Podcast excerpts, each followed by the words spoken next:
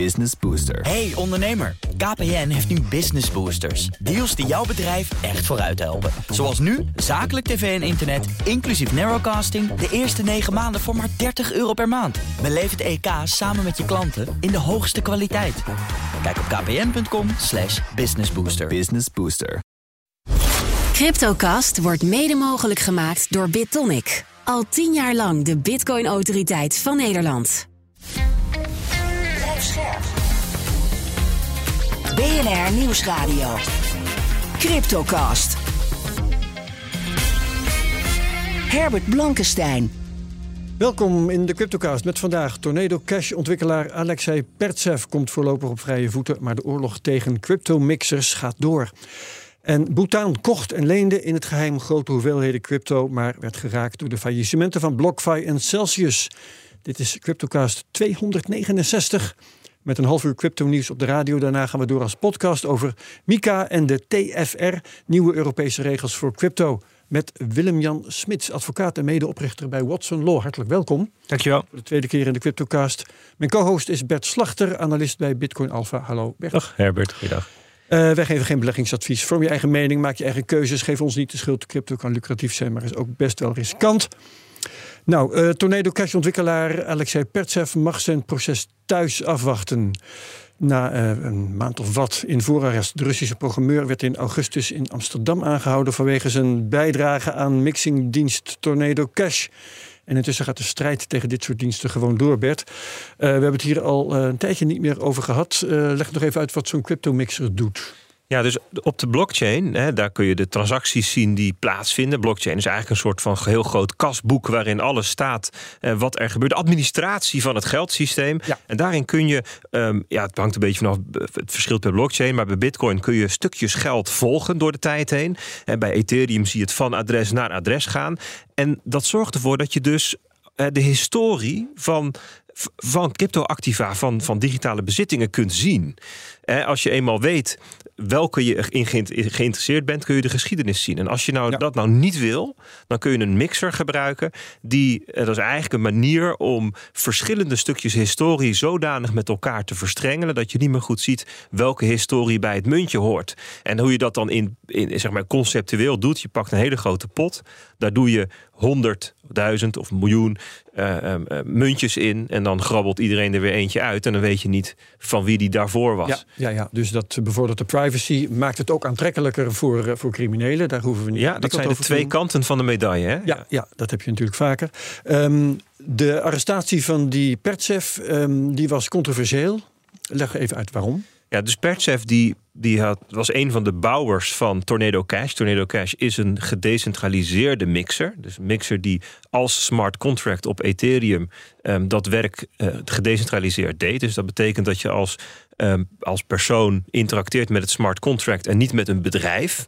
Um, en hij was een van de programmeurs. En toen hij werd opgepakt, toen was de vraag: gaan we nou iemand oppakken omdat hij aan open source software heeft geprogrammeerd? Want, want dat zou best wel opzienbarend zijn. Want er zijn wel meer open source software tools die je kunt gebruiken voor je anonimiteit of om ja. eh, voor een misdaad. Hè? Want ja, weet je, als misdadiger kun je ook. Hacking tools natuurlijk. Ja, bijvoorbeeld. Maar ja. je kunt ook met elkaar bellen. Dat gaat ook via software, om eens wat te noemen. Of berichtjes sturen of e-mailen. Of, dus dat, waar ligt dan de grens? Um, en dat is de ene kant van het verhaal. Dus dat was de zorg van, van de open source gemeenschap. De andere kant was dat het Openbaar Ministerie die zei... nou, die Pertsev die heeft wel meer gedaan dan wat programmeren. Hij deed bijvoorbeeld ook... hij organiseerde dat klanten dat gingen gebruiken. Hij hielp ze, hij, hij rekende daar ook geld voor. Hij deed, runde een soort van klantenservice. Dus ja, dat is eigenlijk gewoon een, een organisatie met als doel om wit te wassen afhankelijk van wat het blijkt te zijn en, wa en wat voor straf daaraan gekoppeld wordt, weet je wel, um, wordt hier wel een, een, ofwel een um, precedent uh, uh, ja. veroorzaakt waar we heel erg. Um, uh, voorzichtig, wat, ja, voorzichtig mee moeten zijn. Of het is gewoon een terechte arrestatie geweest van iemand die uh, criminelen hielp. Ja, ja. Nou, daar heb je dus rechtszaken voor. Hè, nou ja, precies. Nou, daar, dat, was, dat was dan nu het, um, uh, ook een beetje wa, wa, de opwinding van... nou, er wordt dus iemand vastgehouden... terwijl we eigenlijk nog helemaal niet precies weten waar die van verdacht wordt. En um, nou ja, is dat, moet, moet dat wel kunnen en zo. Ja, oké, dat was dus de controverse. Uh, Willem-Jan, we gaan het zo direct hebben over die nieuwe Europese regels, MICAR en TFR. Ehm, hebben die te maken met dit soort mixers? Het lijkt me van wel, hè? Ja, zeker. Ja. Um, een onderdeel van MICA, uh, van de vergunning om, uh, om die te verkrijgen, is dat je moet voldoen aan de, aan de anti-witwasregels. Uh, en, en onderdeel daarvan is dat je heel voorzichtig bent als bedrijf met gebruik van dit soort, uh, dit soort tools. En je ervan vergewist dat uh, personen, jouw klanten die dat gebruiken, um, dat niet doen om ja, voor de goede doelen wel, maar niet voor de, voor de, voor de slechte doelen. Ja, ja, ja, daar moet je dus zeg maar zelf op letten als je zo'n dienst beschikbaar stelt, dat dat in de haak is. Precies. Ja, oké. Um, Bert, de, de oorlog tegen die mixers gaat door. Uh, het Amerikaanse ministerie van Justitie heeft een, nieuwe dienst opgerold, Chip Mixer. Want ze volgen elkaar natuurlijk ook snel op. Hè. Als je de ene weghaalt, dan uh, krijgt de volgende een kans. Was zo'n 3 miljard dollar mee wit gewassen. Uh, door wie is dat bekend?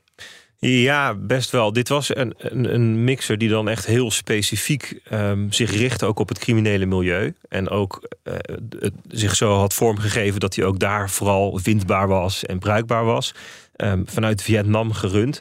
Uh, en daar werd dus hoofdzakelijk, hè, dat kun je dan ook, konden ze dan ook wel zien, crimineel geld uh, witgewassen. Zoals, dat zie je aan de adressen waar het vandaan ja, gaat ja, en naartoe gaat. Ja, dus allerlei ransomware attacks ja. kwamen ze daar bitcoins van tegen. En um, uh, bitcoins die die te maken hadden met de hacks van bijvoorbeeld Axie Infinity. Dat was zo'n zo'n gaming platform munt. En 700 miljoen was daar toen gejat. Um, darknet markets. 200 miljoen kwamen ze tegen, wat daarmee aan gerelateerd was. Dus ze hebben in totaal um, voor uh, 3 miljard aan bitcoin, zeg ja. maar, bitcoin waarde. Dus het is, het is niet zomaar, we houden niet van, van zo'n chipmixer, maar echt, uh, de, hier is ja, crimineel geld. In dit geval konden ze zien dat een groot deel van die 3 miljard daadwerkelijk aan, door bekende criminele uh, um, uh, activiteit ja. Um, verdiend of gejat ja. of whatever. En dan staat er in de crypto-pers uh, online: uh, de mixer is, is gestopt, hè, is uit, uit de vaart genomen. Maar hoe doe je dat eigenlijk? Want uh, ik herinner me nog in het geval van Tornado Cash dat gezegd werd: hey, dat kun je helemaal niet stoppen, want het is code die staat op de blockchain. En ja. daar kan iedereen gewoon gebruik van maken. Ja, dus als je een um, smart contract op een, op een gedecentraliseerde blockchain um, uitbrengt, dan kun je de smart contract niet zomaar in intrekken. Hè. Daar, daar is, dat kan of helemaal niet, of er is een sleutel voor nodig die je dan wel of niet hebt. Ja. Maar er zit vaak ook nog een dienst omheen. Dus sowieso weet ik niet van die, deze specifieke uh, mixer of, of dat wel een gedecentraliseerde is. Want het kan natuurlijk ook gecentraliseerd. Hè? Dat je gewoon zegt, joh, ik vertrouw, we vertrouwen allemaal jou. Ja. En we stoppen allemaal iets in een pot die jij beheert. En dan krijgen we allemaal een ander muntje. Dat kan ook. Hè? Ja. Dus dan is het heel makkelijk offline te halen. Nou, als er wel iets van een, uh, iets van een smart contract onder ligt, dan zit er alsnog altijd van alles nog wat omheen. Een website, een, een, een, een user interface. En die kan je natuurlijk wel uh, downhalen. Ja, precies. En uh, Willem-Jan, um, is zo'n um, decentrale dienst op basis van smart contracts op de blockchain, is die juridisch te verbieden? Behalve fysiek onmogelijk te maken, maar is het ook juridisch uh, waterdicht? Um, ja, dat, er zijn uh, zeker dit soort diensten die kunnen aan zich verboden worden. Regels zijn vaak technisch agnostisch. Uh, dus, dus er wordt niet zozeer um, gekeken naar hoe dat, hoe, de, hoe dat de dienst precies vormgegeven is, maar wat de inhoud ervan is. Uh, en als er dan een persoon of een, uh, een bedrijf bij betrokken is die dat exporteert, dan kan dat zeker um, verboden worden, ja. Ja, oké. Okay. Um, oké, okay, Bert, gaat elke mixer vanaf nu snel uit de vaart genomen worden? Nou, wel als uh, zoals die, die, die ene dus heel expliciet gekoppeld zijn aan het criminele uh, milieu. Maar um, wat je ook ziet is dat er zeg maar legitieme mixers, hè, dus mixers die als eigenlijk als doel hebben, als project, als doel hebben om anonimiteit te bevorderen, dat die werken aan functionaliteit waarmee je als gebruiker kunt bewijzen dat jouw um, jouw, jouw inleg en dus ook datgene wat je eruit haalt, niet van criminele afkomst is. En, en kan zo'n uh, decentrale dienst daar niet ook zelf op letten en bijvoorbeeld adressen blacklisten waarvan bekend is, want, want die lijsten zijn er toch? Ja, alleen dan, dan moet je het vooraf weten. Alleen hiermee kun je dus ook nog achteraf dat bewijs leveren. Hè? Want je levert, dat wordt gemaakt gebruik van zero knowledge proofs. Dat zijn cryptografische bewijzen. Ja. Dat, um, dat, dat ook als men achteraf zegt van nou met terugwerkende kracht vonden we dat dit toch crimineel geld was, kun je alsnog bewijzen bewijzen dat, dat, dat jij dat niet was, zonder te onthullen welk adres dat was. En dat is natuurlijk een hele interessante manier. Dat men uh, voortdurend kan zeggen van wij vinden deze verzameling van herkomsten of adressen vinden wij crimineel. En dat jij dan alsnog een bewijs kunt leveren, nou dat had ik niks mee te maken. Ja. En dat zou een manier kunnen zijn waarop we wel zeg maar, privacy kunnen bevorderen. En tegelijkertijd ook het witwassen kunnen bestrijden. Ja, oké, dat is wiskundig zit dat vast heel goed in elkaar. Maar je moet het ook nog wel kunnen uitleggen natuurlijk in de rechtszaal bijvoorbeeld. Dat ja, dat, uh, dat, klopt. Ja, oké. Um, we gaan het hebben over de prijzen, Bert. Uh, handig dat je hier uh, naast me zit. Um, afgelopen week hebben Bitcoin en Ether 8 respectievelijk 13 procent, als ik het goed zeg, van hun waarde verloren. Is daar een duidelijke oorzaak voor eigenlijk, dat dat zo plotseling weer gebeurt? Ja, de koers is nu 27.500 dollar voor Bitcoin. Um, en daarmee zitten we nu weer in hetzelfde prijsbereik als 17 maart tot 10 april. Hè, daar we een aantal weken ingezeten hebben. Toen ging het eventjes daarboven naar 30.000. Dat was Ja. ook allemaal van wauw, we zien weer een drietje aan het begin. Ja, de nieuwe bull market. en zo. Ja, ja. En, en nu zitten we weer terug in, in het stuk waar we dus ook weken zaten. Dus eigenlijk valt het wat dat betreft allemaal wel mee. En er zit, kijk, het, het prijsbereik tussen de 28.800, daar hebben we het vaak over gehad, en laten we zeggen grofweg 33.000, daar zit veel aanbod. Dat, dat is een, een, een, een, een, zijn koersen die veel betekenis hebben gehad in de afgelopen jaren. Ja. En daar zijn mensen ingestapt. Daar zijn mensen die hebben daar eh, hun strategie op, op bepaald. En als die koers daar weer komt, dan zijn er daarbij die zeggen: Nou, ik kan nu neutraal, zonder verlies of met klein verlies uitstappen. En dat zie je gebeuren. Dus dat zagen we de afgelopen weken ook. Van, weet je, dat, is, eh, eh, dat prijsbereik, dat is gewoon nu nog te veel gevraagd. En dat, dat, is, dat is normaal, want we zijn natuurlijk wel 70% staan we nu nog steeds in de plus ten opzichte van november en december. Dus dat hoort daar een beetje bij. Nou, heel specifiek wat er gebeurde, is dat er vorige week woensdag, geloof ik, woensdag of donderdag, was er iemand, ja, dat is heel, heel gek, die voor 16, die 16.000 bitcoin in één keer verkocht op, op Binance. Een market Dan heb je order. het over tientallen miljoenen. Ja, honderden miljoenen, 400 miljoen. En dat kan, dat, het kan of een foutje zijn. Of, ja. of, of toch iets van marktmanipulatie. Dus dit is dus wel op zich een hele interessante zaak. Maar dit, dat, dat bewoog de markt een stukje naar beneden. Nou, toen werden er ook eh, longposities geliquideerd. Daar hebben we het wel vaker over. Hè. Dan krijg je zo'n zelfversterkend effect. Ja. Ja. en dan, eh, en dan, dan, dan wordt de markt wat voorzichtig. Nou, dat zag je de afgelopen dagen. Ja, gebeuren. maar daarmee zijn we dus wel terug onder wat jij heel lang hebt genoemd als magische grens 28.800. Zijn we dan nu weer in eh, wat ze in het Amerikaans noemen bear market territory? Ja, dus de, de, zeg maar de boelmarkt, het verhitte gedeelte van de boelmarkt, dat speelde zich af tussen 28.800 of nou, 29.000 en 69.000. Anderhalf jaar lang. Ehm, daar zitten we nu weer onder. En dat is, dat is ehm, begrijpelijk. Hè, dat dat niet in één keer, dat je niet in één keer vanuit ehm, ja, de periode waarin we eh, iedereen, eh, iedereen, maar heel veel mensen gecapu- gecapituleerd hebben, zeg je ook weet je, dit is too much, eh, die, de hele, alle ellende.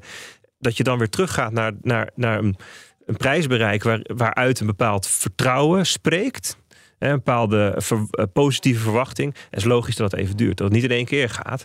Ehm, en als de eerdere marktcycli van crypto of van bitcoin, bestaat wat langer, ehm, iets zeggen over de toekomst, dan, gaat, dan kan het maar zo een half jaar tot een jaar duren. En dat zagen we ook in 2019 en Ja. in 2015. Dat je gewoon hele lange tijd nodig hebt met elkaar. Weet je, ik zie het dan een beetje voor me. Mensen die liggen op de grond, die staan weer op. Die kloppen het stof van hun kleren. en gaan zich afvragen, nog een keer. wil ik hier nog wat mee? Wil ik nog iets met... Wat, wat, hoe, wat vind ik er nu van? En dat zijn dingen die kosten tijd. En dan, dat gaan we zien in de komende half jaar. En dat, dat gaat dus rustig aan. We gaan niet in één keer nu Nee, nee, naar, weer naar die 70.000. Een massa-psychologisch proces. Ja. Eh, komt er deze week nog belangrijke informatie aan? Be- beperkt. We krijgen de, eh, de GDP-cijfers, dus de omvang van de economie of economische groei in Amerika. Werkloosheidscijfers, een beetje de PCE, dat, zijn- dat is het inflatiecijfer waar de Amerikaanse centrale bank graag naar kijkt. Dus het zijn wel dingen die iets, iets van informatie geven over wat we kunnen verwachten. Eh, volgende week is het rentebesluit. Dus daar kijken we wel weer wat eh, aandachtiger naar. Maar ehm, de, de, de focus verschuift steeds meer van wat gaat de centrale bank doen naar hoe gaat het met de economie en de financiële markten? Want wat de centrale bank gaat doen, dat weten we nu eigenlijk wel. Hè. We zitten zo'n beetje aan het eind van die reeks renteverhogingen. Eh, Daar zijn ze ook wel eh, open over. En nou is de vraag, hoe lang kunnen we die rente hoog houden? Want het hoog houden is het remmen. En hoe lang gaat dat goed?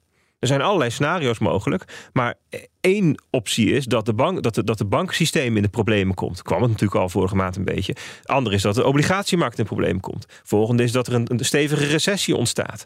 Terwijl de markt lijkt nu gepositioneerd voor het, het scenario dat alles precies goed gaat. Mhm. Dat, is, dat, is, ja, dat is wel heel spannend. Gaat dat gebeuren of gaat er iets mis?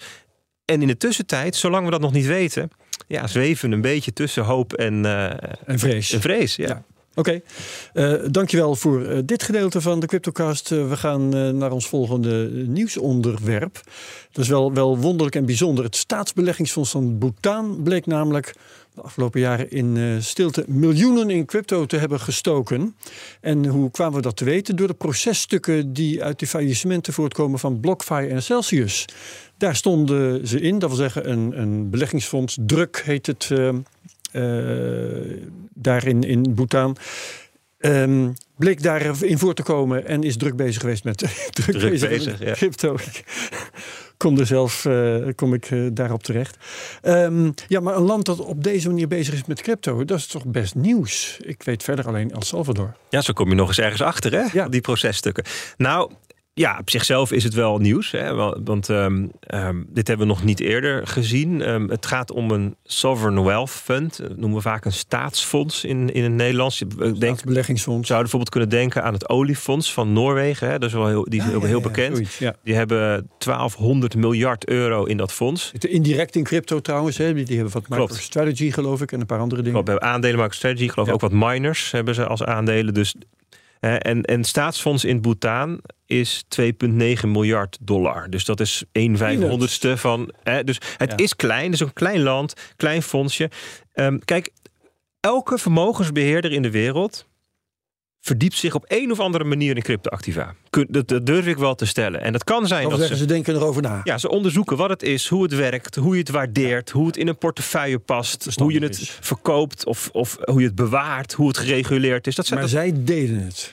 Dat is het verschil. Kijk, sommigen die schuiven het meteen terzijde als niks. Nou ja, hoeveel zouden er zijn die het ook doen, maar waar wij niet van weten? Exact. Het is ook nou, een toeval dat we erachter kwamen. Kijk, we weten dus van het Noordstaatsfonds dat ze indirect daar wat. wat en maar, we- eh, heel veel van dit soort fondsen hebben ook een venture-tak, die, die, die in hoog eh, ehm, eh, risicovolle bedrijven investeert. Eh, Weet je, hedge funds-achtige eh, eh, tak. Ja. Da- wa- waar, ze daar, waar ze dit ook gewoon verkennen. Maar dat ze publiekelijk zeggen: wij, gaan, ehm, wij, wij vinden dat Bitcoin onderdeel hoort zijn van de portefeuille. Dat heeft er nog geen gedaan. Nee. Ook die van Bhutan niet. Die hebben dat natuurlijk nooit op die manier zo gezegd. Maar ze zijn er blijkbaar wel mee gaan Maar spelen. wat is nou aannemelijk? Dat Bhutan de enige is?